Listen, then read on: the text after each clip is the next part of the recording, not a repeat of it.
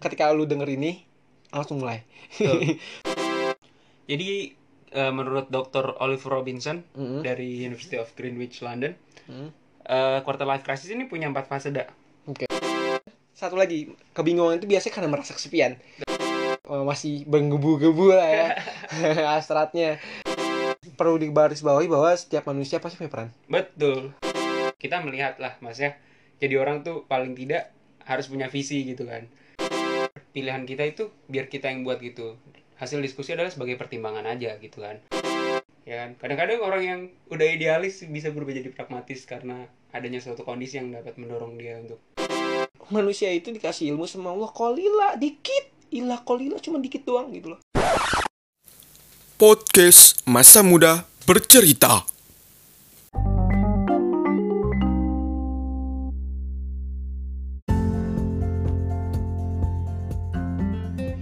Assalamualaikum warahmatullahi wabarakatuh. Waalaikumsalam warahmatullahi wabarakatuh. Oke, kembali lagi di podcast Masa Muda Bercerita dengan gua Naufal Syuhada dan partner gua. Dan gue Noval Yafia. Oke, siap. Sekarang kita akan ngebahas nih, Vi. Kita akan ngebahas tentang KLC. Apa itu? Apa untuk KLC? KLC adalah quarter life crisis. Oke, Identik dengan anak muda ya. anak muda banget sih biasanya. Karena kan quarter life crisis, quarter ya kan seperempat hidup ya kan ya. Masa-masa krisis di seperempat hidup ya kan. Ya diambil dari teori barat sih. Karena kan barat itu mengambil eh, jangka umur maksimal manusia di zaman itu kan 80 tahun ya. Betul. Maka 20 tahun itu seperempatnya nih ya ya 20 tahun gitu loh. Nah, biasanya punya ciri-ciri nih quarter life crisis nih biasanya ketika kita merasa cemas, merasa insecure ya kan ya, terus Hmm. merasa uh, diri kita kayak selalu gagal ya kan ya, nggak berguna, melihat orang lain kayak lebih sukses. Nah, itu biasanya ciri-ciri uh, quarter life crisis gitu ya. Istilah quarter life crisis sendiri itu biasanya quarter life crisis ini, krisis ini akan membuat kita menyadari bahwa ada sesuatu hal yang harus diubah dalam hidup kita. Betul. Biasanya kayak gitu dan biasanya membuat kita kebingungan gitu Hmm. dan merasa kesepian Hmm, puncaknya adalah merasa kesepian juga itu ternyata juga quarter life crisis ya oke lanjut nih bang Oke, jadi pemicunya itu sebenarnya ada beberapa lah. Yang pertama karena adanya tekanan. Karena adanya tekanan atau perubahan besar dalam hidup. Karena ini adalah masa transisi ya dari remaja menuju dewasa gitu. Fase remaja menuju dewasa ya wajar sekali kalau misalnya ada tekanan karena kita dituntut untuk mandiri, mulai lepas dari apa eh, naungan orang tua dan lain sebagainya gitu.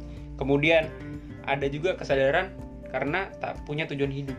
Hmm, itu juga ya umum lah ya. Maksudnya setelah kita pikir-pikir wah udah 20 tahun hidup ngapain aja dan mau ngapain nanti? gitu. Banyak sekali sih sebenarnya yang merasa kayak gitu. Termasuk mungkin gua dan nggak tahu gue juga, gimana. gua juga sama lah. Gue juga manusia kali Oh, gitu iya. psikologis kita sama. Cuman biasanya cara caranya aja yang beda gitu Iya, loh. betul. cara kita menyikapinya. Betul. yang terakhir karena banyaknya pilihan gitu. Terlalu banyak pilihan sehingga kita bingung untuk ya mau milih yang mana gitu. Mau yang A yang B atau yang C gitu. Oke tuh. Itu kan adalah pemicu-pemicunya Via. Ya kan ya? Mm-mm. nah, terus biasanya kan kalau berarti quarter life crisis ini adalah fa ini ya fase ya fase dari peralihan lah. Mm. dari kita yang semulanya masih bergantung dengan orang tua Terus kita menghadapi peralihan gitu. Ya. E, mulai melepaskan diri dari orang tua. Betul. nah maksudnya kita juga mau mandiri kan. Nah biasanya inilah e, salah satu penyebab juga sih untuk Hmm. jadi kita quarter life crisis gitu loh. Betul, betul. karena setelah kita keluar dari orang tua kita akan memikirkan oh iya gue selama ini cover sama orang tua. Nah ketika gue terbebas terlepas dari orang tua apakah gue mampu bertahan? Apakah gue mampu untuk menjalankan kehidupan ini? Apakah gue akan menjadi orang yang sukses atau gagal? Apakah gue akan menjadi orang yang berguna atau justru malah menyusahkan kayak banyak gitu sih pertanyaan-pertanyaan yang sebenarnya jawabannya bakal kita tahu ketika ya Kita kita, menjalani. itu betul gitu. banget itu betul Tapi- banget Iya kan? Tapi itu yang membuat kita aduh takut gitu istilahnya. Gimana ya? Karena ini kita benar-benar nggak tahu dan ini adalah suatu hal yang baru buat kita gitu. betul banget oke kalau kayak gitu kan karena ini adalah fase biasanya sih ada ada jenjangnya sih Vi Mhm. yang namanya fase kan ya itu biasa kayak gimana tuh Jadi eh, menurut Dr. Oliver Robinson Mhm. dari University of Greenwich London, Mhm. eh, quarter life crisis ini punya empat fase dak. Oke. Pertama, fase di mana kita merasakan sebuah perasaan terjebak, situasi terjebak, yang gitu-gitu aja hidupnya gitu. kemudian fase kedua adalah fase adanya perubahan perubahan yang mungkin terjadi dalam hidup ya kan namanya masa transisi dari menuju ke dewasa gitu pasti apa ya pasti ketemu lah sebuah perubahan-perubahan dalam hidup gitu. Kemudian fase ketiga adalah fase membangun kembali gitu. Ini udah Oh. mulai membangun kembali dan akhirnya fase keempat yaitu fase berkomitmen dan adanya konsistensi gitu. Ini ini fase di mana yang nantinya akan kita keluar dari quarter life crisis ini gitu. Hmm, oke oke oke. Paham. Dokter Robin juga bilang sih ya bahwa KLC ini tidak secara harfiah terjadi saat anda memasuki usia seperempat dari total hidup anda Hmm. tetapi terjadi pada seperempat tahap awal perjalanan anda menuju kedewasaan Hmm. biasanya pada periode antara umur 25 sampai 35 Hmm. dan yang paling banyak sih di pertengahan itu Hmm. tapi ya tapi kan itu kan kalau misalkan kita hidupnya 100 tahun ya menurut kalau yang kita rasain sih dan ternyata gue juga ngadain survei kecil-kecilan juga kan itu ternyata di usia kita loh yang baru awal 20 ini ternyata juga merasakan hal itu gitu loh.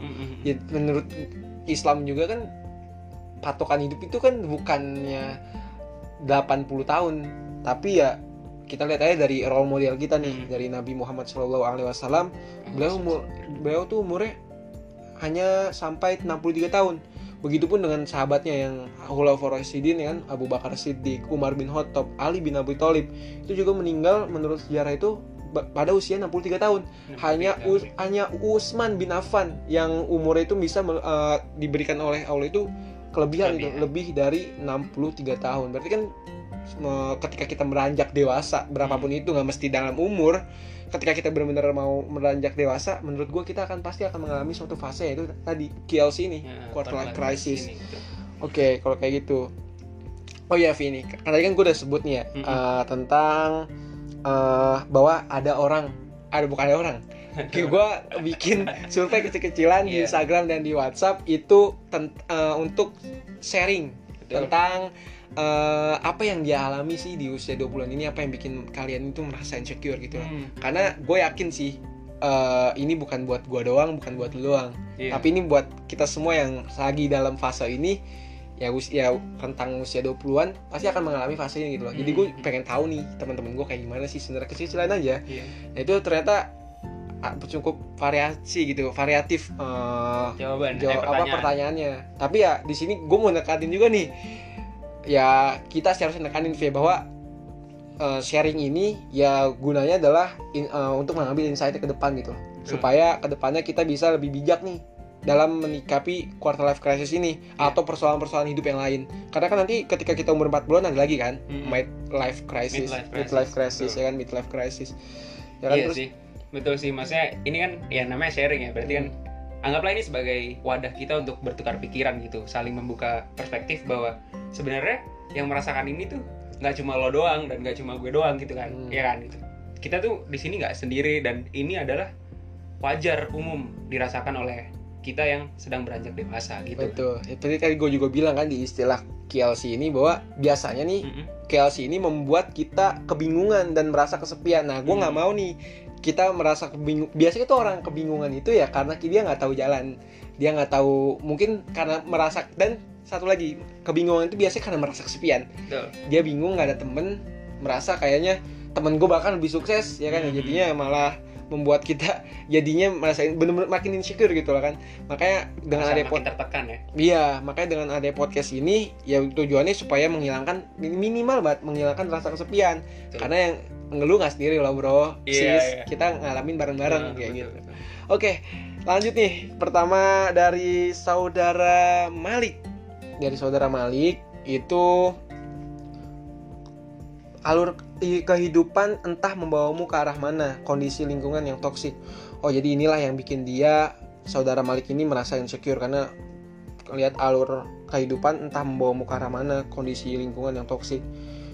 Terus Malik juga bilang belum melihat jalan terang dalam karir sementara semakin sadar bahwa diri makin tua. Nah, ini yang tadi kita udah bahas Sif, ya. Karena kita ketika kita merasa butuh apa? Ketika kita udah merasa di fase ingin terbebas terlepas dari orang tua, ya kita pasti akan memikirkan ini semua sih. betul sih. Hmm, pastilah maksudnya ya ya bingung gitu kan. Biasanya ada aja yang ini kan memberikan masukan memberikan jalan gitu istilahnya ntar kamu misalnya dari SD ya coba dari SD kamu ntar masuk SMP pilihannya gini SMA pilihannya gini terus kuliah apa. Kemudian kerja udah dilepas tuh. Ini adalah hidup yang baru gitu kan. Hmm. Iya kan? Bingung. Apalagi kalau udah masuk kehidupan baru yang asli kehidupan baru itu ketika kita udah nikah gitu kan. Hmm. makanya kalau menikah itu kan selamat menempuh hidup baru. Ya itu benar-benar kita benar-benar kelepas dari orang tua Ya, gitu loh. betul, yang istri ngikut suami yang suami pun harus mandiri gitu loh ya kan. Ya tapi kalau arus kehidupan tang bawa mau ke arah mana kondisi lingkungan yang toksik ya kalau saran sih ya kalau ketika kita tahu bahwa alur kehidupan ini menuju arah yang nggak jelas gitu ya memang justru malah mendatangkan kita ke, ke menjerumuskan kita ke lubang ke- keburukan lah intinya. Hmm. nah itu menurut gua ya kita lah yang harusnya bisa sadar sadar diri segera gitu loh. Entah kitanya yang merubah lingkungan atau kitanya yang pergi dari lingkungan. Betul. Pilihan cuma dua sih karena dalam hidup itu ya ketika kalau kita nggak bisa mempengaruhi lingkungan maka kita yang terpengaruh oleh lingkungan. Maka kita ketika kita sadar kapasitas kita bahwa kita bisa nih merubah lingkungan ini maka sebenarnya nggak perlu dikhawatirin sih. Karena ya toh dengan perlahan tapi pasti kita akan bisa merubah lingkungan tersebut gitu loh. Tapi kalau misalkan ternyata kita nggak mampu lebih baik kalau kita udah kita udah merasa bahwa lingkungan ini nggak toksik lah ya toksik lah. Ibarat kata eh, toksik ya lebih baik kita pergi gitu loh. Karena ya kita hidup kalau toksik kan berarti akhirnya beracun gitu ya. Maksudnya akan bara- akan mendatangkan mudorot lah Hmm. dan keburukan-keburukan lain ya kita harusnya sadar dan kita harusnya ya udah menghindari itu gitu loh cari lingkungan yang lebih sejuk yang lebih nyaman gitu loh. Iya. Ya antara mau berbaur tapi tidak melebur atau sekalian cabut gitu loh. Karena kan ujung-ujungnya daripada melebur dengan lingkungan yang toksik gitu, Hmm. capek sendiri sih lebih tepatnya kan kayak gitu. Terus ini kalau misalnya emang bingung dengan alur kehidupan, ya sebenarnya ya ini kan era digital ya. Kita ini disuguhkan oleh informasi yang begitu banyak gitu. Eh, bisa lah mulai research dulu. Maksudnya kita harus memper- memperkecil gitu, mengerucut pilihan-pilihan kita gitu. Dari yang tadinya ya eh, taruhlah apa eh, kuliah punya jurusan dari jurusan itu dikonsentrasikan lagi ke peminatan peminatan itu nanti hidupnya mau kerja di mana di bagian apa itu semua sebenarnya ya sebenarnya di internet tuh cukup banyak sih ketika kita mau research lebih dalam aja sih sebenarnya ini bisa terjawab sih harusnya Hmm, Oke. Terus sama belum melihat jalan terang dalam karir sementara semakin sadar bahwa diri makin tua. Ya inilah kan masih muda ya, apalagi kita apalagi kita nih gua juga merasakan hal sama. Lu bahkan masih kuliah gitu kan ya. iya Ya ketika kita masih baru lulus kuliah itu wajar aja kalau kita merasa karir, karir itu kayak belum ada jalan terangnya gitu. Tapi Hmm. sebenarnya kalau kita melihat eh yang sudah-sudah gitu ya, puncak karir itu bukan di puncak kita gitu. Puncak karir itu dalam eh, dunia kerja itu bukan di usia 20-an atau mungkin 30-an, tapi puncak karir itu biasanya di umur 40-an ketika Hmm. kondisi kita itu udah ko- kondisi keuangan kita itu udah stabil sih, bisa jadi stabil atau mungkin stagnan tapi nggak turun Hmm, kayak gitu loh. definisi yang benar-benar settle gitu kan Iya, itu biasa di usia 40-an Hmm. atau awal 40-an. Jadi kalau misalkan melihat karir yang sekarang ini ya justru di usia 20-an inilah kita mencari banyak pengalaman gitu ya Betul. untuk melihat jalan terang dari karir kita. mumpung energinya masih banyak kan Betul, kita mencari yang benar-benar pas nih, Hmm. yang benar-benar bersinergi sama kita gitu. Kita pun nyaman di dalamnya. Atau mungkin yang nggak yang nggak terbiasa nyaman, ya setidaknya kita berhasil untuk menaklukkan eh, zona di luar zona nyaman itu. Hmm. Ya dengan cara ya tadi karena masih muda ini di usia 20-an ini ya jalan terang untuk mencari jalan terang adalah dengan banyakin pengalaman dalam Betul. artian ya udah ini pengalaman kita dalam berkarir ya di usia 20-an inilah untuk mencari jalan jalan terangnya. nanti kita akan menemukan mana yang paling cocok sebenarnya gitu kan Mm-mm. ya Oke, oke. kan Gitu sih. Eh, oke, lanjut nih. lanjut dari awang Oke. ngerasa nggak pantas di mana-mana di mana-mana mana ada tiga mananya. Oke. Ngerasa nggak pantas di mana-mana ngerasa kurang segalanya dibanding teman kita. Nah, dan masih kurang pengalaman. Eh oh ini beda. Ini beda orang. oke. Rawang ini merasa nggak pantas di mana-mana, Hmm. merasa kurang segalanya dibanding teman kita. Ya inilah eh, quarter life crisis gitu ya. Ketika kita membandingkan diri dengan teman kita, itulah jadi penyebabnya kan. Tadi ada pemicu yang tadi Hmm. eh, lu udah jelasin ya Via bahwa pemicu salah satunya adalah adanya apa nih? Tekanan sih sebenarnya itu. Betul, tekanan. tekanan ya. Nah ya tekanan gitu ya. Tekanan dari justru malah dari teman kita sendiri. Hmm. Itu karena kita membandingkan diri kita dengan teman kita gitu. Padahal pertama kondisi quarter life crisis ini orang satu orang dengan yang lainnya itu beda gitu loh. Maksudnya semua orang pasti berbeda masanya masanya kapan dan bagaimana cara menyikapinya. Berat berat kecilnya itu pasti beda. Dan betul ketika kita membandingkan diri kita untuk sama dengan mereka yang akan ya pasti kita akan menemukan banyak perbedaan dan kadang-kadang perbedaan itulah yang membuat kita merasa jadinya insecure nggak merasa nggak aman merasa nggak nyaman kayak gitu sih. Terus kalau masalah ngerasa nggak pantas di mana-mana ya kalau ini sih gimana nih bang kalau misalnya emang ngerasa nggak pantas di mana-mana ya udah mempantaskan diri dengan diri sendiri aja sih ya nggak sih? Kalau emang nggak perlu maksudnya mungkin ini kembali karena ini sih karena adanya kita membandingkan dengan satu dengan yang lain gitu loh maksudnya. Rasa nggak pantas di mana-mana berarti kan oh coba ah dibandingin di sini nggak pantas di sini nggak pantas di sini nggak pantas gitu kan. Jadi ya ini lebih ke- kepada ini sih apa eh, lebih bersyukur terhadap kondisi diri sendiri gitu. Loh dan lagi betul tadi kata Syuhada. Syuhada ngebahas bahwa eh, setiap orang punya kondisi yang berbeda gitu.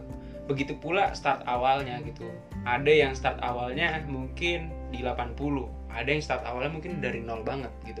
Tapi sebenarnya yang paling penting adalah kita menghargai pro- prosesnya itu loh ya kan? Hmm, iya, benar. seberapa jauh kita eh, melangkah dari titik awal itu. Mungkin yang di 80 sekarang jadi 100 tapi yang dari nol mungkin udah di 60 itu kan berarti kan eh, yang dari nol ini berprogres jauh lebih besar gitu loh jadi kita tidak perlu membandingkan kondisinya tapi berusaha mengapresiasi eh, proses yang telah terjadi gitu Ya, untuk berarti intinya kalau untuk rasa kapan semana-mana kita harusnya lebih mengapresiasi diri kita sendiri ya. Apa yang Betul. udah kita proses, Betul. apa yang udah kita lakuin, apa yang udah kita coba, Hmm, kita lebih apresiasi sih.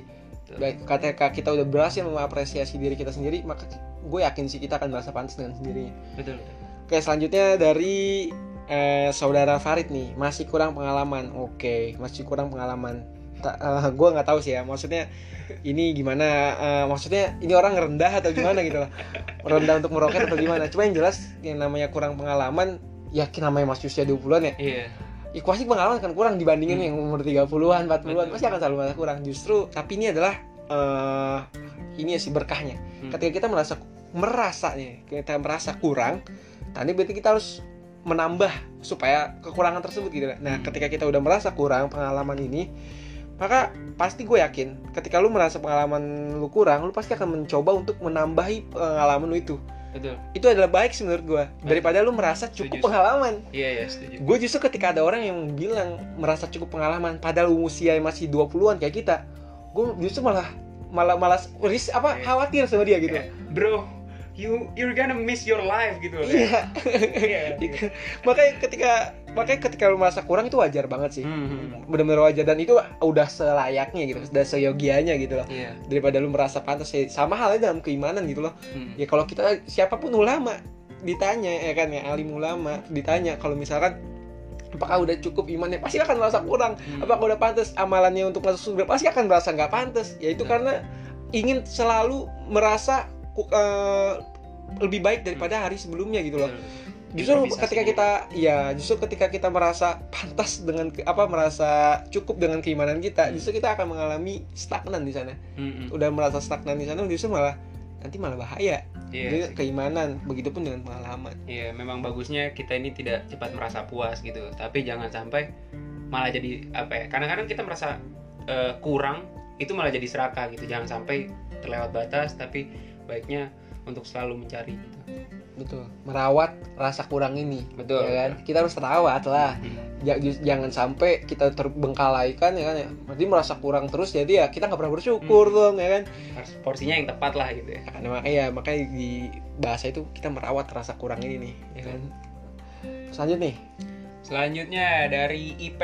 oke Oke, kadang masih gak tahu hidup ini mau dibawa ke mana. Ya maksudnya ini pertanyaan yang cukup umum ya. Terus masih belum bisa manfaatin waktu dengan baik dan yang paling penting masih ngerasa jauh dari Allah. Ini sih yang paling bikin insecure.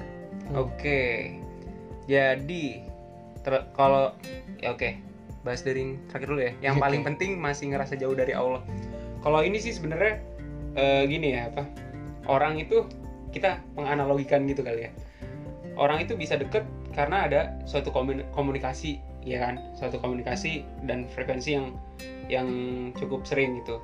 Mungkin kalau misalnya merasa jauh karena mungkin komunikasinya yang mulai jarang gitu. Mulai kendor Ah, dan bentuk komunikasi eh, dengan Allah ini kan bisa melalui baca Quran, sholat dan berzikir gitu kan, ibadah-ibadah. beribadah lah gitu kan. Jadi untuk eh, ketika masih ngerasa jauh, baiknya kita mendekatkan diri dengan ya cara tadi berkomunikasi dengan Allah gitu. Dan lagi ya gimana dak? ya dan lagi kalau gue tambahin ya Hmm? kita harus rawat juga nih Hmm. rawat juga rasa kita eh, merasa jauh ini dari Allah gitu karena ketika kita merasa dekat dari Allah itu cukup kita aja yang tahu. Hmm, ngerti ya betul. ketika kita udah merasa dekat pasti ada kok titik di mana kita merasa dekat banget sama Allah gitu. Kayak rasanya tenang banget. Kayaknya hidup tuh kayaknya enteng aja gitu. Kayak zaman-zaman SBM tuh orang-orang. UTBK kayak ngerasa deket banget sama Allah tuh.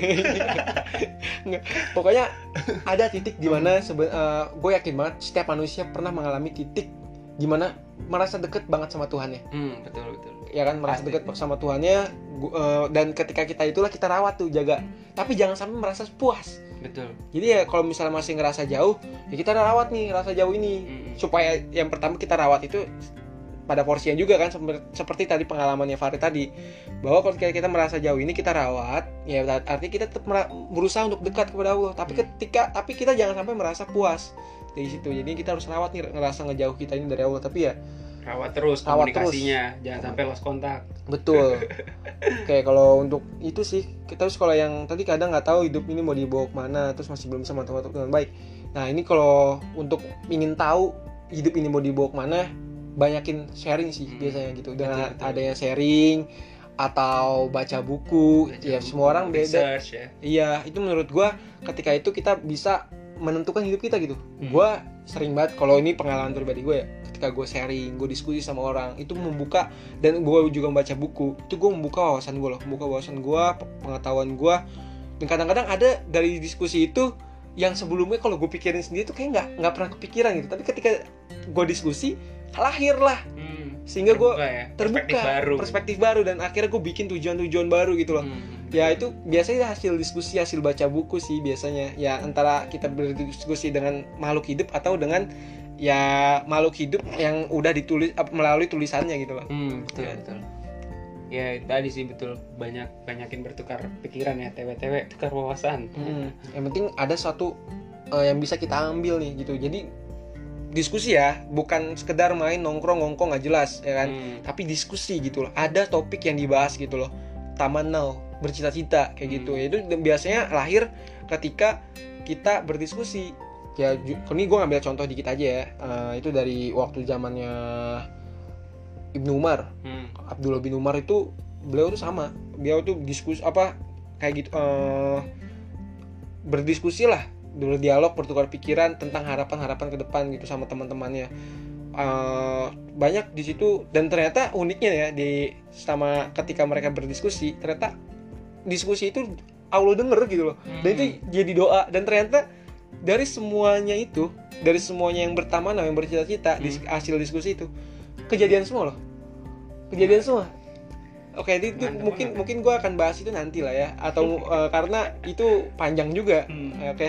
Jadi intinya banyak banyak berdiskusi lah soalnya Hmm. udah pernah dipraktekin tuh sama Abdullah bin Umar Ibnu Umar Iya. kayak gitu Dan untuk masalah belum bisa manfaatin waktu dengan baik, itu kembali ke prioritas sih. Iya kan kembali lagi banyak-banyak diskusi, akhirnya kita bisa menyusun apa ya hidup kita gitu supaya tertata gitu. Oh iya setelah diskusi ini, jadi ya ini wajar sih karena kita merasa mungkin ya ada eh, fase di mana kerjanya main terus, terus waktunya tuh prioritasnya ke sana ke sana ke sana diain semuanya. Sehingga nggak bisa memanfaatkan waktu dengan baik. Ini mungkin banyak sih dialami oleh anak-anak muda gitu kan pastinya kan. Dan ya kalau misalnya emang eh, nggak bisa memanfaatkan waktu dengan baik mulailah dari yang kecil gitu loh. Dari yang se- sekedar berkata tidak terhadap sesuatu yang kurang manfaatnya gitu kan. Hmm. kemudian menyusun prioritas dan lain sebagainya gitu. Mungkin bisa jadi ikut seminar tapi nggak tahu sih gue gue pribadi nggak nggak pernah ikut manajemen waktu dan lain sebagainya di seminar tapi mungkin itu bisa cukup membantu sih Hmm, oke. Intinya sih kalau untuk masalah yang kayak gini ya kita bener sih harus berani berkata tidak. Hmm. Itu intinya kita tahulah ketika udah dewasa mana yang sebaiknya kita guna, ah, mana yang sebaiknya kita lakukan dan mana yang tidak gitu loh. Mhm, betul. Maksudnya kalau untuk sekedar buang-buang waktu gitu ya, Hmm, menghabiskan waktu yang nggak ada manfaatnya ya lebih baik kita kurang-kurangin. iya. Kalau menurut gua kalau misalkan bener-bener kita cut, kita hapus dari hidup kita tuh kayak susah. Mhm, betul betul. apalagi kita masih masa muda nih ya Iya, kan. Mas- masih menggebu-gebu lah ya hasratnya jadinya ya kita batasin aja sih Hmm. batasin mulai kurangin gitu loh Jangan impulsif gitu loh maksudnya. Karena kita harus berpikir bahwa oh kalau misalnya gue melakukan tindakan ini apa ya eh, resikonya dan apa benefitnya buat gue gitu. Itu mulai dipertimbangkan gitu loh. Jangan ya ya gak tahu sih ini. Karena kan gue sendiri dulu gue nggak terlalu mempertimbangkan banget sih kayak ya udahlah gue ya ini ini itu ini itu segala macam terus kemudian setelah gue pikir-pikir lagi gue assess ulang ya oh resikonya gue menerima ini gue menerima itu benefitnya mungkin cuma ini cuma itu gitu loh tapi kon- itu adalah konse- bentuk konsekuensi dari uh, uh, apa yang gue iakan sebelumnya gitu loh oke oke lanjut nih ya Ya. lanjut nih dari Mega Pak Mega itu mimpi nih kak yang aku cemaskan kira-kira aku bakal jadi manusia yang biasa aja atau jadi manusia yang punya peran KR KR tuh kira-kira Kayaknya sih kira-kira. Oke. Emang apalagi ker-ker. Manggil ayam kali. ya? oke, mimpi nih kak. Eh, oke, mimpi Hmm. nih kak yang aku cemaskan. Kira-kira aku bakal jadi manusia biasa aja atau manusia yang punya peran. Hmm, Hmm, perlu digarisbawahi bahwa setiap manusia pasti punya peran. betul Eh, manusia itu punya perannya masing-masing ya entah itu perannya sebagai apa itu yang membedakan gitu loh. Hmm, betul.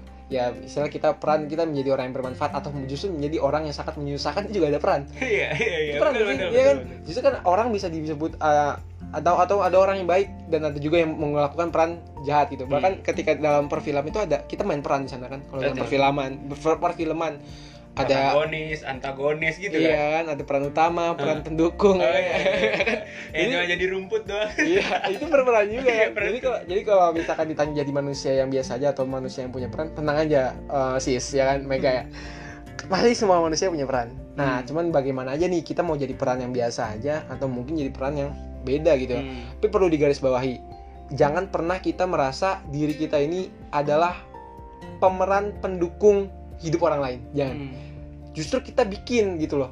Kita adalah peran utama dari cerita kita sendiri gitu loh. oh iya Iya kan? betul, betul. Ya, jadinya ketika kita udah memposisikan atau membuat mindset, membangun mindset bahwa kita itu punya kehidupan kita sendiri loh, kita punya hidup kita sendiri dan kitalah pemeran utamanya.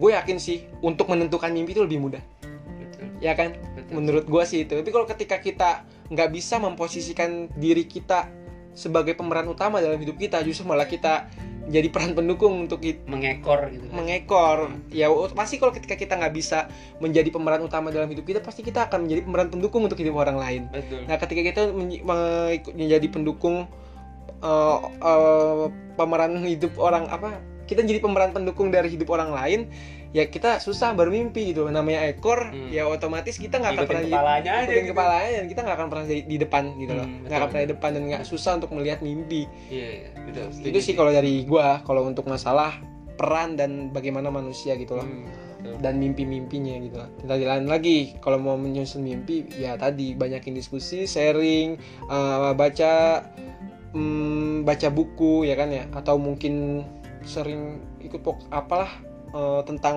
kehidupan gitu loh. Hmm, tapi kajian-kajian atau apalah. Iya sih tapi maksudnya ya kembali lagi bahwa hidup juga adalah pilihan gitu Hmm. ya kan? Bagaimana kita menentukan masa depan kita itu dimulai dari pilihan-pilihan apa apa yang kita buat di saat ini gitu loh. Kita melihat lah maksudnya jadi orang tuh paling tidak harus punya visi gitu kan. Ketika kita membuat pilihan ini kita harus tahu eh, apa resiko yang kita ambil dan apa yang akan kita alami di masa mendatang gitu. Jadi ini kembali lagi bagaimana cara kita menyusun eh, hidup kita melalui pilihan-pilihan kita yang akan kita buat sekarang gitu untuk masa depan. Oke benar. Oke selanjutnya nih Mega juga nih. Jodoh juga sih haha. Gimana ya jodoh aku? Oke. Waduh, pakarnya nih, silahkan jawab pakarnya nih. Hmm, jodoh aku yang jelas bukan bukan aku ya. Maksudnya oh gini gini gini. Jodoh juga sih ya di mana ya jodoh aku? Pertama gue nggak tahu jodoh lu di mana Meg pertama nih gue nggak tahu jodoh lu di mana. Karena gue karena ya itu mah rahasia ilahi lah ya. Iya, ya kan cuma ada di laul mahfuz ya kan di tempat yang terjaga. Gua dong mahfud ya tempat terjaga yang penting kalau untuk masalah jodoh ini sih kita berusaha aja sih Mek. Kalau dari gue ya berusaha aja nih kita eh, ya memantaskan diri lah atau mungkin kita juga sedikit-sedikit mencari melirik juga nggak apa-apa. Cuman yang jelas ketika kita mencari dan melirik ini ya kita harus sesuai koridor lah gitu lah. Tetap di jalan yang lurus lah siratul mustaqim gitu lah. Nah kalau masuk masalah jodoh ini juga ya pasti semua orang punya jodoh kok gue yakin. Mhm. cuman untuk umur berapa jodoh itu ketemu dengan lu itu yang beda-beda gitu loh. Iya ada yang di betul. usia sekarang di usia 20-an ada Ada. juga temen lu yang udah nikah kan ya ada ada ya ada temen gua juga ada tuh iya, iya. hebat hebat emang emang hebat hebat tapi gitu sebenarnya kita nggak bisa ngecengin juga ya Iya. atau dia nggak punya visi ah terkekang lu nikah jangan Iya, juga enggak jangan juga sih menurut gua sih enggak sih Iya. Gitu sih. dan terus ada juga yang baru nikah bisa di usia 30-an. Hmm, Hmm, itu iya. menurut gue tadi gue bilang itu ini masalah jodoh ini kan rahasia ilahi ya. Hmm. Tersimpannya di laul mahfuz sama seperti takdir kita mati gitu loh. Hmm. Bisa jadi ya, gue nggak tahu nih gue bukan beramal. Bisa jadi kita punya jodoh misalkan di usia 20-an tapi ternyata umur kita nggak sampai 60 Hmm. ada juga yang baru berjodoh di usia 30-an tapi ternyata umurnya 80 berarti lebih kalau bisa dihitung-hitung ya semua Allah tuh adil cuman Betul. adilnya itu yang harus eh, yang beda karena adil itu nggak mesti sama ya pasti beda-beda dong Betul. ya jadi masalah jodoh ini ya gue yakin banget kok Iya. namanya manusia di bumi ini pasti punya jodoh ya kan Hmm. udah ada tuh jelas kan ya Allah itu menciptakan laki-laki dan perempuan berpasang-pasangan tujuan untuk saling mengenal artinya akan berjodoh gitu loh Hmm. Ya tapi ya sih maksudnya tugas kita juga sebagai manusia ya Pak ya udah kita cukup sekedar ber- berikhtiar aja untuk masalah nanti hasilnya seperti apa kita serahkan kepada ilahi aja gitu kan Sih, betul banget bab kita itu cukup sampai doa dan ikhtiar Betul, ya kan? doa dan bab ikhtiar. hasil itu udah Allah udah itu mah takdir ya takdir ya Oke gitu. Jadi kalau misal untuk jodoh ini nggak perlu diris, nggak usah dipusingin. Hmm. Kalau saran gue yang pasti akan tiba di Hmm. waktu yang tepat ketika lu siap. Gitu sih Mek. Kalau dari gue. Oke. Selanjutnya dari Tufel nih, dari Tufel kuliah lagi gak ya? Oke, karena kita D3 ya Vel ya. Eh, kebetulan Tufel ini teman kampus gue juga oke D3 Hmm. kuliah lagi atau enggak ya Eh, kalau ini mah wajar sih ya ketika kita punya pilihan gitu. Pilihannya itu bikin kita bingung gitu. Ketika kita kuliah lagi butuh biaya lagi Hmm. atau kita kerja tapi kita kerasa masih kurang gitu dalam pendidikan. Jadi ya itu wajar sih kalau misalnya itu juga merasa bikin kita merasa insecure gitu. Tapi kalau misalkan dari gue nih kalau saran untuk lebih mudah kuliah lagi atau enggak ya kita lihat ke- kebutuhan kita sih kalau Hmm, dari gue gitu. betul. Kebutuhan kita kesanggup bagaimana terus banyak diskusi juga sama orang tua. Bagaimana orang tua nih menyikapinya bagaimana? Biasanya orang tua tuh emang kadang ada yang membebaskan. Orang tua gue tuh membebaskan mau Hmm. gue kayak gimana jungkir balik salto. Jebur jurang ya kan ya? Nyebur jurang nih bebasin? Ya udah aku minta orang Nah, maksudnya maksud gue itu mah ibarat kata gitu kan ibarat Iya, kata jadi ya, eh, untuk jadi banyak diskusi sama orang tua kadang-kadang emang ada orang tua yang kayak gue nih membebaskan anaknya. Tapi ketika lu berdiskusi dan lu minta pendapatnya pasti orang tua punya pilihannya sendiri. Cuman biasanya orang tua yang membebaskan anaknya itu nggak mau mengekang anaknya. Hmm. takutnya merasa kalau ibu yang kalau gue diskusi sama emak gue ya takutnya kalau misalkan bunda mau memaksa kamu nih mas. Kalau misalkan sesuai pilihan bunda ternyata kamu nggak sesuai dengan pilihan bunda nanti kamu malah menyalahkan bunda. Hmm. bunda nggak mau kalau misalkan Hmm. kamu menyalah apa bunda itu menjadi biang penyebab kegagalan kamu atau apa. Hmm. jadi lebih baik kamu pilih sendiri. Bunda meridoi gitu loh. Betul betul betul. Biasanya kalau orang tua yang membebaskan anak sih kayak gitu. Tapi kalau misalnya kita benar-benar dalam kondisi bingung ya kita harus membersihkan hati kita dulu nih. Jangan sampai ada ego dulu. Iya. kalau buang ego kita baru kita diskusi sama orang tua. Jadi jadi pas orang tua mengarahkan kita bisa nerima. Hmm. Kadang- kadang-kadang orang tua mengarahkan kita nggak bisa nerima karena ada ego gitu loh. Hmm. makanya kalau ketika kita merasa butuh untuk diskusi ini apalagi masalah hidup ya dan kita belum berumah tangga ya orang tua lah ya tempat tempat kita bersandar gitu loh. Jadi ya kita buang ego kita buka diskusi sama orang tua lebih baik gimana? Biasanya orang tua akan menun- menunjukkan jalan yang terbaik buat kita gitu loh. Karena ya wali loh orang tua Wah, ya, gitu loh. Ya tapi kembali ini juga sih Dak. maksudnya eh, diskusi ke banyak orang misalnya nggak cuma ke orang tua mungkin ke teman-teman atau senior senior yang eh, udah berpengalaman itu perlu gitu. Tapi kembali lagi bahwa itu tadi benar pilihan kita itu biar kita yang buat gitu. Hasil diskusi adalah sebagai pertimbangan aja gitu kan. Jangan sampai eh, karena apa ya istilahnya terbawa oleh hasil diskusi itu tanpa mempertimbangkan insting kita sendiri akhirnya malah eh, tidak sesuai ekspektasi gitu loh Iya, intinya sih tadi intinya ketika emang kita bingung kita Hmm. buka diskusi gitu Betul. loh. Tapi kalau misalkan ternyata dari diskusi itu dari diskusi pun kita nggak bisa nggak jangan nelan-nelan Hmm. nelan secara mentah-mentah kita kita goreng dulu biar mateng. Hmm. Eh, kan kalau digoreng bahaya dah nggak pokoknya di pokoknya dibikin matang dulu lah Hmm. gitu loh. Biasanya sih oh, diskusi itu akan melahirkan opsi dan akhirnya kita punya pilihan sendiri. Oke, lanjut nih ke WhatsApp nih. Di WhatsApp ini ada Irfan. Irfan itu pertama dia Irfan tuh- siapa dah Irfan Sofyan Ivan Sofian. oh Irfan Sofyan Ivan Sofian ini bilang "Hmm, makin susah nyari rumah. Oke, waduh gue mengiyakan. oh iya Karena- jelas sih Karena gue juga melihat gitu loh kondisi gue gitu ya. Kalau misalkan gue mau nyari rumah, harga rumah tuh udah fantastis banget Briefy. Hmm. Udah fantastis banget gitu. Harga paling murah itu yang tipenya murah aja tuh yang bisa 400 jutaan gitu loh. Yang tipenya 36, 36 per 60 gitu loh. luas 60 meter doang gitu ya? Luas 60 meter tuh tanah, Hmm. luas bangunannya 36 meter. oh iya itu menurut gua eh itu bisa udah di sekitaran sini udah 400-an, 300 Iya. sampai 400-an gitu loh. Heeh. Dan itu bikin mensyukur lah gitu loh. Iya. Kalau gaji kita UMR, Heeh. kita butuh berapa tahun? Heeh, betul gitu betul, ya. betul. Emang ada sih yang memudahkan kita untuk memiliki rumah. Contoh kayak KPR KPR, kredit-kredit gitulah dari bank. Cuman gua khawatir gitu loh. Hmm. Kalau misal lu hitung-hitung lagi ya, kalau lu hitung-hitung lagi, gue kemarin habis hitung-hitungan sama om gua waktu pas pas lebaran kemarin, pas berarti kan sekitar 10 hari yang lalu ya. Hmm. Gue gue diskusi sama om gua tuh pas gue hitung-hitung biaya yang tadi kita KPR tuh yang Hmm. dipinjemin bank itu Iya. sama kita beli cash itu bisa dua kali lipat ya loh oh iya Iya. sampai dua kali lipat sampai ya? dua kali lipat gue waktu itu ngitung-ngitung ketika kita Oke. bangun sendiri Hmm. beli rumah sendiri segala macam memang itu butuh waktu lama dan itu benar-benar lama banget tapi itu bisa jadi habisnya itu cuma 200 waktu gue hitung-hitung sama om gue tuh sekitar 200 jutaan nggak sampai 300 intinya pas gue hitung ini secara KPR itu kan Hmm. ada sepupu gue juga yang ngambil KPR gue hitung-hitung dengan luas yang sama itu harganya bisa 400-an berarti kan dari 200-an ke 400-an kan iya sih wih Van hampir dua kali lipat kan menurut gue wah inilah juga ya. ya. iya makanya gue mind blowing lah ya iya menurut gue ya emang agak dia bingung ini Hmm. rumah gitu loh ketika kita mau bangun sendiri kita juga butuh modal dan itu kadang-kadang lama banget puluhan tahun. Tapi ya tapi itu lebih baik sih menurut gue dibandingkan lu pakai bank gitu atau segala macam. Karena sayang loh 100 juta itu.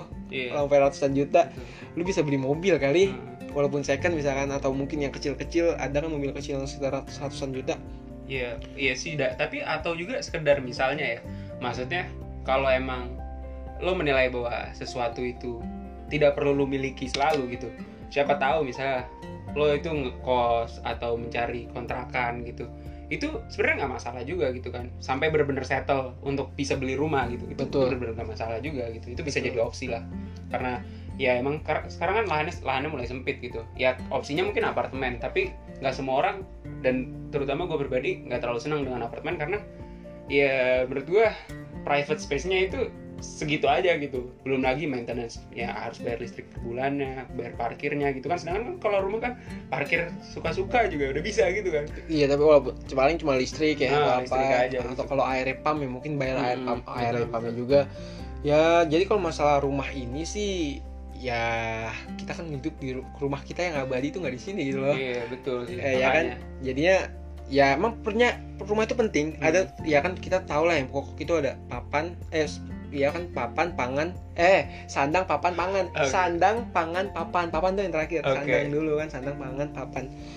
Ya nah emang penting sih pokok juga. Cuman papan di sini tuh bukan berarti punya rumah pribadi. Iya. Papan ini penting kita punya tempat tinggal untuk kita bernaung gitu loh. Ketika Betul. kita lagi butuh privacy kan namanya Hmm. rumah namanya kita manusia punya butuh privacy kita punya sandaran gitu loh papan nah papan ini sebenarnya bukan rumah pribadi atau apartemen atau apa itu enggak tapi ya penting kita punya tempat untuk aman bernaung. untuk beristirahat gitu ya. betul nah itu ya bisa tadi ngontrak atau apa segala macam ya Iya. emang sih kalau pasti semua manusia tuh pengen lebih mengupgrade dirinya Iya gitu loh.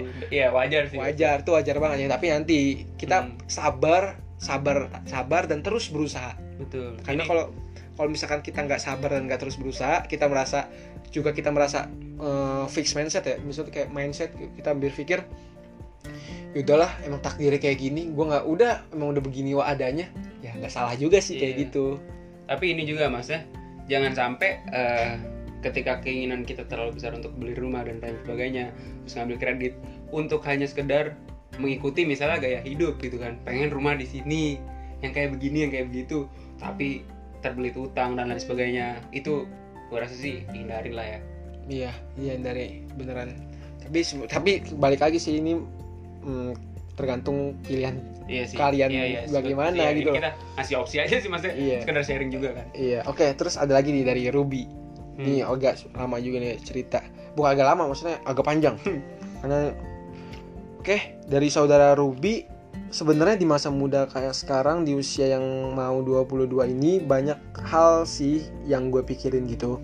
Yang ngeganggu di pikiran gue gitu. Sekarang udah 22 tahun umurnya. Hmm. Kalau gue nikah maunya mentok di usia 26. Ya berarti empat tahun lagi dong. Apa gue apa gue udah cukup ngasih waktu luang gue buat kebahagiaan orang tua? Tentang kira-kira tabungan gue cukup nggak ya? Apa enggak ya? Ah, cukup tabungan gue cukup nggak ya? Buat nikah atau beli rumah sebelum nikah? Hmm. dan nggak tahu kenapa sih pas udah kerja tuh rasanya kepikirannya itu terus beda awal kuliah mah boro-boro ya pikirannya kuliah mah main doang atau mungkin memang kita sudah di satu titik kehidupan yang sebenarnya Hmm. satu lagi sih yang gue pikirin tuh definisi tentang bahagiain orang tua karena eh, definisi tentang bahagiain orang tua karena gue selalu mikir gue udah bahagiain orang tua belum sih kurang percaya diri tentang itu. Setiap orang nih punya pikiran yang berbeda ya. Ada yang ditanya ini itu terus jawabannya gue belum sempat bagian orang tua. Hmm. nah yang gue bingung tuh bagian orang tua tuh dengan cara apa? Kita kaya raya kita kaya raya banyak uang. Melihat kita jadi orang sukses yang kaya raya pemikiran gue terhadap orang-orang tuh kayak gitu tentang definisi bagian orang tua. Kalau di pemikiran gue sih bagian orang tua tuh dengan cara kita selama ini jadi orang baik, seneng dan perhatian dengan mereka, nurut dan mandiri. Dan menurut gue orang tua tuh nggak butuh banget uang kita. Yang dia butuh tuh kasih sayangnya dan ngerawat di masa tua. Iya gak sih? Bisa gak nih lu jawab kegelisahan gue tentang ini? Atau mungkin punya pemikiran yang berbeda tentang ini? Oke dari awal dulu nih ya. Hmm. Oke, ya wajar sih namanya di masa muda. Bener, gue juga merasakan hal yang sama kok. Bi, Eh, terus, hmm, apa gue udah cukup ngasih waktu luang buat kebagian orang tua gue ya tentang kira-kira tabungan gue cukup atau enggak?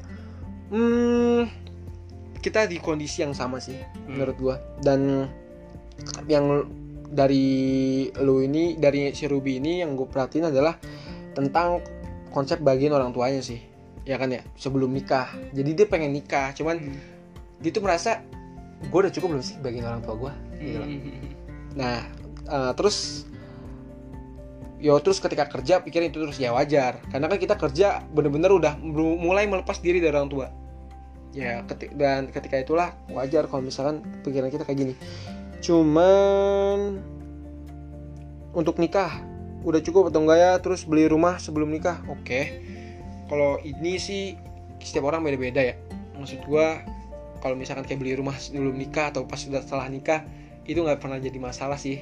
Maksudnya itu nggak jadi masalah utama gitu loh karena ya masalah beli rumah atau setelah nikah atau sebelum nikah ya semua berproses sih menurut gua betul sih Nah. nah iya iya maksudnya iya kan nggak nggak mesti harus beli rumah gitu kan yang penting punya papan gitu kan nggak Hmm. mesti harus dibeli siapa tahu di kontrak atau di kos pun nggak masalah gitu kan Hmm, tapi sih pokoknya dari dari sharing si Ruby ini Mm-mm. intinya sih tentang bagian orang tua sih Vi Mm-mm. kemarin gua sebagai pribadi sempet buka diskusi sama ibu gua. Hmm. maksudnya ngomong gitu. Bun mau nanya nih definisi ngebagian orang tua menurut bunda bagaimana? Kayak gitu loh. Gue cuma nanya kayak gitu kan ya. Maksud gue supaya gue tahu standarnya. Biar supaya gue tahu standarnya gitu. Orang tua gue tuh maunya apa sih gitu loh. Terus gue juga sedikit cerita dikit. Terus kata orang tua gue untuk eh, tentang definisi bagian orang tua itu itu kayak kamu menilai orang itu cantik atau gejel, ca- cantik atau tampan. Cantik untuk Hmm. perempuan tampan atau ah, itu untuk laki-laki gitu loh. Mhm. kenapa? Karena relatif kata orang kata emak gue gitu. Betul sih. Ya bener sih. Ya karena setiap orang tua itu punya pemikiran yang berbeda-beda. Tuh mak lu tuh kok kayaknya bijak banget ya? Beda sama mak gue ya? Bapak lu Oh. bijak banget boy. Lanjut, lanjut. Kayak itu intermezzo. Eh, intinya intinya tuh ibu ibu gue tuh bilang kayak gitu Hmm. tuh beda beda setiap orang tua tuh beda beda kebutuhannya terus gue tanya bun bun apakah wajib ngebahagiain orang tua? Mm. apakah bunda bahagia? Maksud gini eh, tentang kalau misalnya dibahagiain dengan harta gitu. Mm. sebenarnya bunda gue nggak menafikan itu. Iya, iya. ketika ada ya alhamdulillah diterima Betul. gitu loh orang tua gue gitu. Tapi kalau misalkan lu nggak ada eh coy cara bikin orang tua bahagia itu nggak cuma dengan harta. Kalau kata orang tua gue sih gitu. Mungkin salah satunya ya gitu loh. Tapi kalau misalkan tapi pada umumnya nggak seperti itu gitu loh. Dan gue juga melihat dari kehidupan orang tua gue juga. Orang tua gue itu ya untuk sampai ke titik sekarang nih sampai ini ya ya lama gitu loh. Bahkan ketika orang tua gue menikah dan punya kerjaan nikah ya kan terus punya gue itu kalau misalkan ditanya ngebahagiain orang tua dengan cara kaya raya wah kayak orang tua gue jauh dari bagian orang tua. Mm. maksudnya kayak nggak bakal bisa ngebahagiain orang tua gue Mm. karena kalau misalkan dibilang kaya raya dulu ya gue ngontrak. Kontrak gue ngontrak itu lama cukup lama loh. Sampai adik gue lahir dua-duanya pun kita eh, keluarga gue masih ngontrak. Mm. berarti kan gimana kalau masih ngontrak untuk menghidupin kehidupan eh, sendiri aja tuh masih pas-pasan gitu loh Mm. apalagi untuk membagian orang tua dengan kekayaan kita itu masih jauh banget dong Iya. tapi intinya dari nenek gue dia nggak butuh harta emak gue gitu loh Mm. dia nggak butuh harta emak gue tadi bener kata lu bi bener banget lu lu bilang eh cara ngebagian orang tua menurut lu itu adalah dengan cara baik ya kan ya Mm. Terus- pribadi yang baik. seneng da- ya dari pribadi yang baik terus seneng dan perhatian dengan mereka Mm. terus nurut dan mandiri ya itu bener banget kok bener banget secara umum orang tua kita itu ingin anaknya itu mandiri ingin anaknya kita anaknya itu nurut dan yang seneng apabila diperhatiin Betul. karena kalau misal itulah itu umumnya gitu nah yang kayak harta kesuksesan kita harta jabatan yang kita miliki itu hanya pelengkap berapa banyak orang yang kaya raya justru malah menelantarkan orang tua di akhirnya Betul sih. berapa banyak orang yang punya jabatan tinggi di akhirnya justru malah membuang orang tuanya ke panti jompo Mm. banyak kan Banyak. jadi kalau misalkan standar orang kaya ah, untuk membahagiakan orang tua boy ketika lu di atas ketika lu punya banyak harta lu ketika lu pu- punya jabatan penting iman lu belum tentu sama dengan kondisi ketika lu di bawah Betul. Apa yang lu pikirkan tentang kondisi ketika lu mapan eh, lu lu kaya raya dari kalau mapan tuh eh, identik dengan cukup. Eh, lu kaya raya itu belum tentu lu akan berpikiran untuk nyenengin orang tua. Itu dikit banget boy.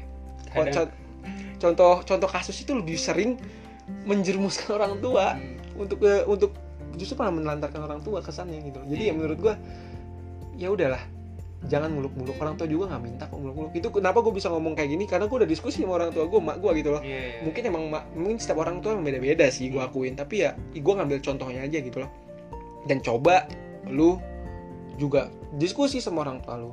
Iya. ngomong, ngomong gitu. Nggak apa-apa. Nggak usah gengsi. Orang tua juga eh, mau bagian kita ya? Kan cuma ngeledek doang.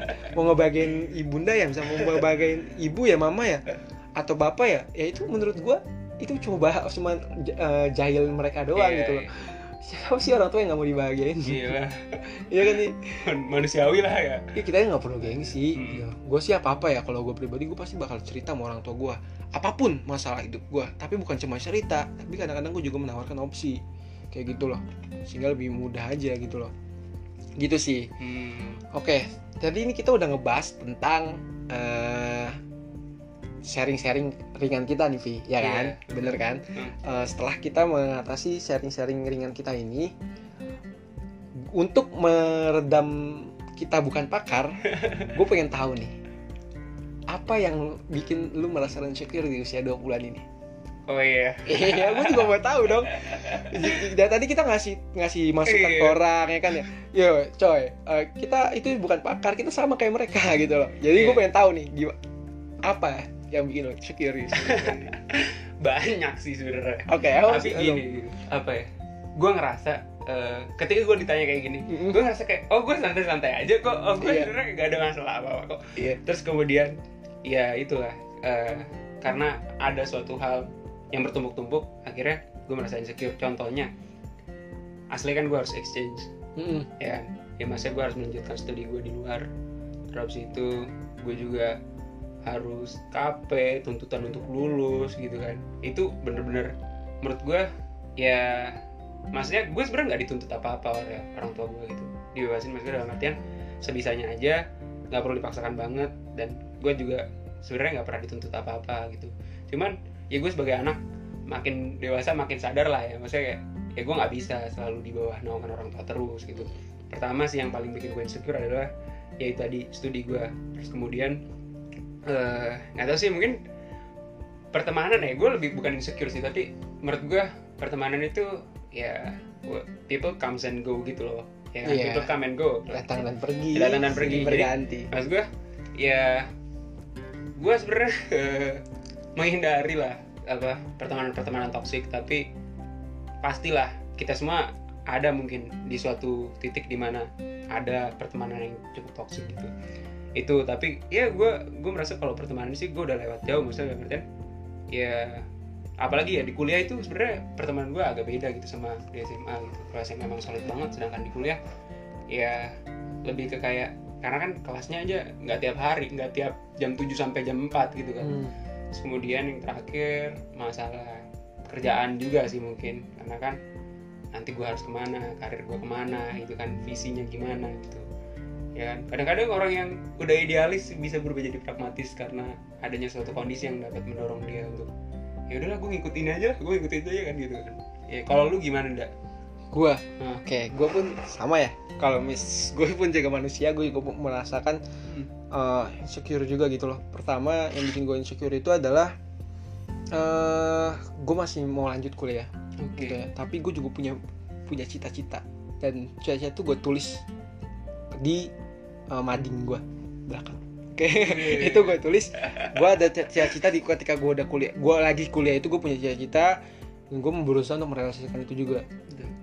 Ya selain gue kuliah dan otomatis eh, gue juga risau terkait eh, pekerjaan juga sih. Ya kan apalagi gue D3 gitu loh Iya. D3 gue dari awal SMA gue mau narget kan gue pengen masuk D3 Hmm, kalau gue ditolak SNM jadi gue emang gak ikut SBM oke ternyata emang gue ditolak SNM nggak apa-apa dak. Lah gue nggak kebagian kuota kan. Oke gue ditolak SNM eh akhirnya gue masuk D3 tujuan gue satu gue ingin cepat kerja. Hmm. jadi jadi kalau mis jadi ya waj jadi ketika apalagi gue seharusnya tahun ini lulus D3 gue Hmm. walaupun banyak sekali kendalanya itu juga bikin gue insecure sih sebenarnya kendala-kendala tersebut. Tapi ya udah yang ngelaksain bukan gue doang Hmm. sama kayak tadi study exchange lu kan Hmm. exchange lu ya semua punya eh, masalah masing-masing nah gue cuma gue juga mikirin itu sih nanti ketika gue wisuda gue udah punya eh, pekerjaan belum ya Hmm, apalagi hmm. terkait eh, eh, salah satu cita-cita gue itu butuh kerja. Oh iya, iya. iya. Apaan tuh dak? Kita nggak perlu dibahas di Oke, sini. ini quarter di life crisis dude. Oke Nah, oke. itu salah satunya kerja ya kan. Terus cita-cita yang berhubungan ketika lagi kuliah. Sama satu lagi sih eh, itu tentang hmm, bisnis hmm, ya setiap gue diskusi sama orang tua gue yang selalu dibahas yang pertama adalah tentang gue kapan nikah yang kedua adalah kapan gue mulai merintis bisnis. Hmm. itu sangat membuat gue insecure.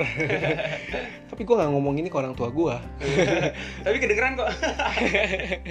Tapi ya udah nggak apa-apa. Artinya ya, gue juga manusia biasa pengen pengen bangun bisnis juga gitu loh. Hmm. apalagi melihat temen-temen gue yang udah mulai bisnis gitu Hmm. kan gue juga pengen gitu kan itu tadi efek gue terlalu banyak membanding-bandingkan oke oke mungkin cukup ya untuk Hmm. sharing dari gue dari lu dan dari semua Iya. teman-teman tadi ini gue cuma mau ngasih rangkuman aja nih rangkuman tentang cara mengatasi KLC ini Hmm. quarter life crisis ini yang pertama jangan bandingkan diri kita dengan orang lain tadi Iya. di awal udah dibahas bahwa membandingkan itu bukan solusi kalau membandingkan untuk meningkatkan semangat kita itu bagus banget.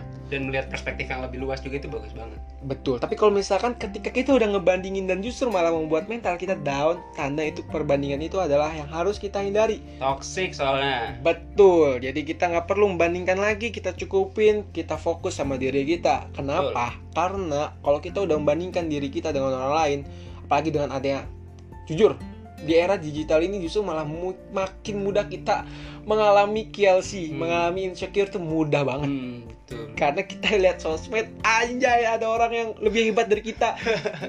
akan selalu kayak gitu, tapi itu nggak akan ada habisnya ketika kita melakukan perbandingan seperti itu gitu. Betul. Manusia itu dikasih ilmu sama Allah kolila dikit, ilah kolila cuma dikit doang gitu loh. Jadi Banget. sehebat apa pun manusia yang lu lihat di sosmed ya kan atau di kehidupan lu sehari-hari fix itu cuma dikit yang Allah kasih gitu loh.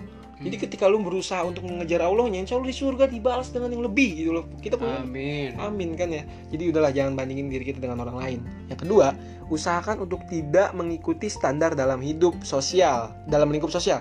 Usahakan untuk tidak mengikuti standar dalam lingkup sosial. Oke, contohnya ini yang gua ambil ini contoh kayak misalnya pendapatan gaji berapa gitu. Fresh graduate minimal berapa nih gajinya. Hmm. Terus kalau misalnya lulusan S1 gaji minimal berapa? Hmm. Lulusan D3 gaji minimal berapa? Jangan kita mengikuti standar tersebut karena kalau kita ngikutin standar tersebut kita nggak akan pernah bahagia sama halnya dengan standar kapan nikah usia berapa itu juga kalau kita ngikutin standar itu kita nggak akan bahagia bro Betul, sesuai kebutuhan aja sih sebenarnya. betul setiap orang itu punya masalahnya Mak. punya masalahnya masing-masing dan berbeda-beda gitu loh jadi santai aja Iya, betul. betul. jadi jangan terlalu ngikutin jangan terlalu terpaku dengan lingkup sosial jadi santai aja terus ketahui yang seterusnya ketahui apa yang menjadi prioritas nah ini terkait mimpi juga ya Hmm.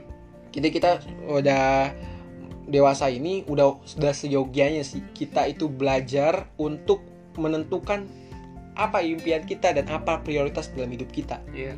Tuh. Tuh. Ya karena apa pun yang kita pilih pasti ada konsekuensinya dan ya udah itu adalah konsekuensi yang akan kita terima nanti gitu. Betul, itu kita harus mulai ya menurut Hmm. gua nggak eh, dari sekarang. Ketika lu denger ini langsung mulai. Terus yang, ke- yang terakhir nih ya, latih kesabaran dan biarkan semua mengalir apa adanya. Oke, Inna Allah maka sobirin gitu kan. Iya, Udah. Allah bersama orang-orang. Yang sabar. Betul. Eh, sabar itu nanti gua akan bahas lagi di podcast lebih lanjut. Tapi intinya sabar itu ada tiga. Sabar dalam ketaatan, sabar dalam menerima musibah, Musibah. dan sabar dalam Ayo gue lupa. Pokoknya nanti kita mau bahas di podcast selanjutnya insya Allah. Kalau nggak ada halangan. Tapi yang jelas kita harus latih kesabaran kita terus nih, ya kan? Betul. Dan biarkan semua mengalir apa adanya gitu loh. Apakah ketika kita udah maksimal, udah optimal berusaha, ikhtiar, doa pun juga udah ditancapkan dengan gas banget ya Pol. Ya udah kita mengalir apa adanya aja biar Allah yang nentuin. Yang penting kita tahu tempat bergantung karena kalau kita merasa apa yang kita lakukan ini bukan usaha kita 100%, artinya kalau kita di atas kita tidak akan sombong dan kalau kita di bawah kita juga nggak akan kecewa, itu kan. Oke, betul banget sih. Oke, kalau kayak gitu dicukupkan. Terima kasih teman-teman atas perhatiannya. Semoga guys. tapi ini mo- mohon maaf banget ya gue yakin banget sih ini nggak akan nggak nggak akan ngejawab semua apa yang Oh, iya, kalian betul. sharing sih Ah, Karena kita juga iya, terbatas. betul. Ini juga kita sebenarnya nggak mencari jawaban. Kita hanya sekedar Sharing. bertukar pikiran dan ya udah siapa tahu ini membuka perspektif baru gitu. Siapa tahu masalah-masalah yang kalian alami ternyata ya adalah mungkin sedikit jalan gitu kan. betul Tapi ini bukan bukan mencari solusi sih, ya kan. betul oke kalau kayak gitu teman-teman terima kasih atas perhatiannya Eh, kembali lagi nanti di podcast selanjutnya sekian dari gua Novel Syuhada pamit Dan gua Novel Yafia pamit. Assalamualaikum warahmatullahi wabarakatuh Terima kasih telah mendengarkan podcast Masa Muda Bercerita.